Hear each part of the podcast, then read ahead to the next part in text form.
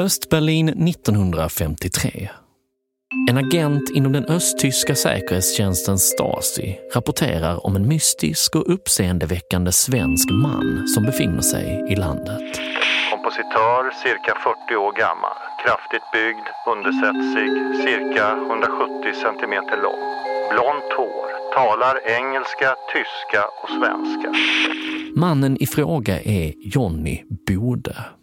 En person med ett uppenbart brokigt förflutet och som vid den här tiden försöker försörja sig på att ge ut svensk biograffilm. Johnny Bode är långt ifrån rik, men trots detta lever han flott och i stor stil under sin vistelse i Östberlin. Han håller hov på hotell Neva och babblar vitt och brett om att den gamle nazistledaren Hermann Göring minsann var hans onkel, alltså sin fars bror. Han ger intryck av att vara en bedragare. Är egenkär, talar gärna och mycket, dricker mycket. Trots det besitter han god allmänbildning och behärskar sitt fack väl. Teoretiskt såväl som praktiskt. Men vem var denna mystiska och uppseendeväckande man? Vem var Johnny Bode? Du lyssnar på Svenska bedragare. Jag heter Timmy Strandberg.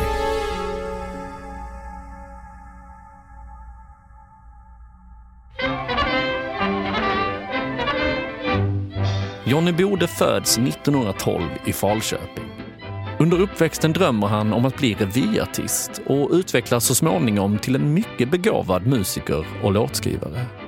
Han kommer att tonsätta Nils Ferlins omtyckta dikter och leverera schlagerlåtar åt flera av förra seklets allra mest älskade artister. Lill-Babs, Harry Brandelius, Jussi Björling, Alice Babs och Jan Malmsjö. Bara för att ta några exempel. Efter schlagersuccéerna i Sverige gör Johnny Bode sig ett namn i Wien där han blåser liv i den då döende operettgenren med Keine Zeit für Liebe. En föreställning som blir en långlivad succé och turnerar Europa runt. Men i all denna succé gömmer sig ett allvarligt problem. Johnny Bode sätter ständigt sina medmänniskor i klistret. Genom att smita från överdådiga restaurangnotor till exempel, eller stjäla kollegors matsilver. Men det är mest sig själv som Johnny Bode sätter krokben för. Genom sina hopplösa bedrägerier och sin fullständiga opålitlighet. En typisk episod utspelar sig under fotbolls-VM 1958 i Stockholm. Johnny Bode finns i publiken under i stort sett alla matcher på Råsunda, iförd vit smoking med nejlika i knapphålet. Han är vid den här tiden på tillfälligt besök från Wien och berättar för alla han träffar att han nu ska tituleras Kammersänger. En österrikisk titel som ungefärligen motsvarar hovsångare, som han absolut inte har utsetts till. Folk i Johnny Bodes omgivning undrar hur han lyckas ta sig in på stadion match efter match utan att köpa biljett. Jo, det visar sig att han sätter sig i en rullstol, spelar rörelsehindrad och låter sig rullas in genom en ingång märkt funktionärer utan att möta några protester. Vakterna gör tvärtom honnör och sen är det bara för Johnny Bode att ta sig en så bra plats som möjligt. Rullstolen är för övrigt hopfällbar och Johnny Bode har den med sig överallt under sitt Stockholmsbesök och använder sig av den så snart den kan ge honom en fördel. Men det som verkligen gör Johnny Bode omöjlig i det svenska artistlivet är hans märkliga eskapader under kriget. För under krigsåren 1939 till 1945 är Johnny Bode en kändis som efter ett kort gästspel i Finland som fältartist dyker upp i Stockholms nattvimmel i finländsk frivilliguniform med ett hakkors dinglande på rockuppslaget. Det blir såklart en jätteskandal och stor uppståndelse i de svenska tidningarna. Johnny Bodes strategi för att undgå pressen blir att fly till det då tyskockuperade Norge. Han klär sig i en fantasifull teateruniform och hittar på att han nu är spansk officer. Han tar in på lyxiga Hotel Continental i Oslo och lyckas få en roll i en revy på uppdrag av den nazistiska quislingregimen. En händelse som på nytt slås upp stort av den svenska pressen. Förutom det faktum att han spelar teater för nazisterna så finns det i revyn en nidvisa om Sverige. Jo, då gjorde jag en visa. Den både skrivs och framförs av Johnny Bode själv Jag kan den utan till. och sänds i norsk radio. Jag kan den utan till. Har hört vad svensken säger? Det finns icke smör i byn. Och tio miljoner engelsmän har ramlat ner för skyn. Har du hört vad svensken säger? Biskop Berggrav blir profet. Men var och hur och när och når är icke någon som vet. Och det ansågs vara ett oerhört landsförrädiskt angrepp på Sverige, vilket det ju givetvis inte var. Och det nådde svenska pressen då så att det blev stor eh, Visst. skandal.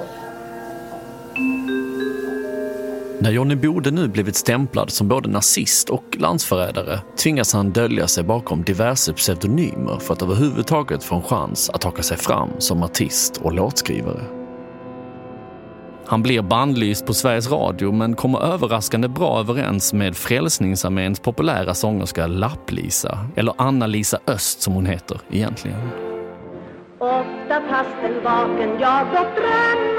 Resultatet av deras vänskap hörs i den första Åsa-Nisse-filmen där Lapp-Lisa sjunger flera sånger som Johnny Bode komponerat, men då under pseudonymen Rob Robertson.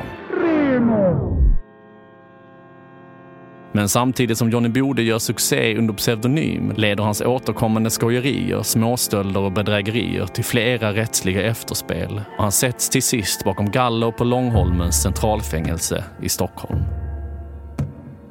I ett psykiatriskt läkarutlåtande från 1930 står det Hans brottsliga handlingar har för honom aldrig tett sig som sådana, utan endast som barnsligt självsvåld i stil med hans utmanande klädsel, påtagligt osanna skryt, fördärvade levnadssätt etc.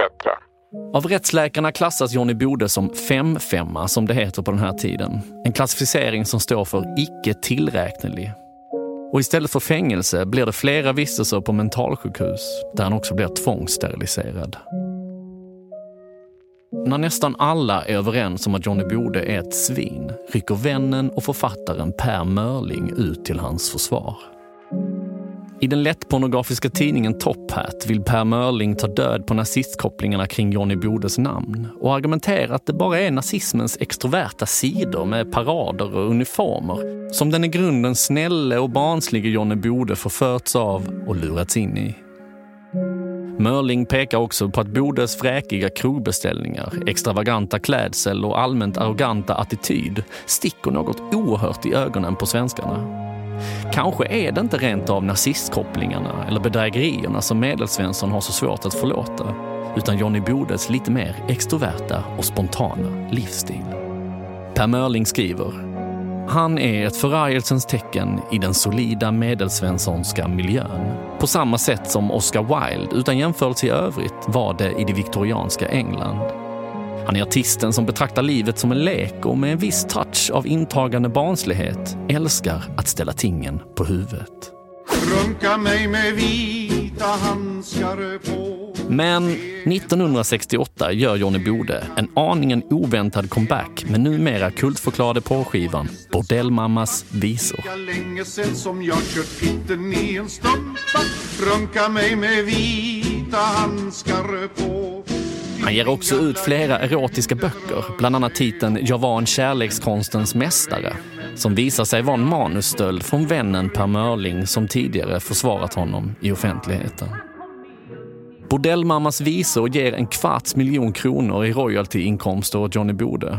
Tio normala årsinkomster på den tiden.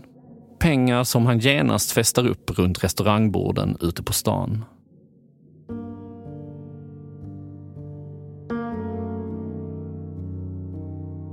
De sista åren bor Johnny Bode i en liten etta i Malmö där han sedan dör ensam och utfattig 1983 vid 71 års ålder.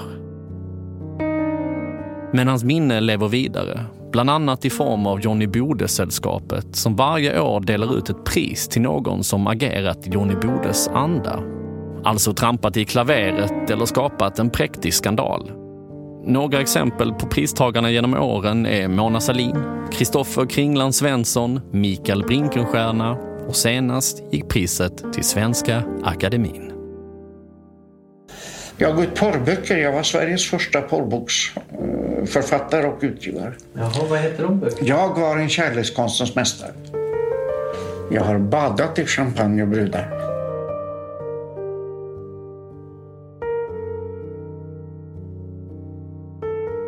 Har lyssnat på Svenska bedragare, en exklusiv podmi produktion Manus och research av Fredrik Kullberg och producerad av mig, Timmy Strandberg. Stasi-rapporterna och läkarnas utlåtande är inlästa av Fredrik Kullberg.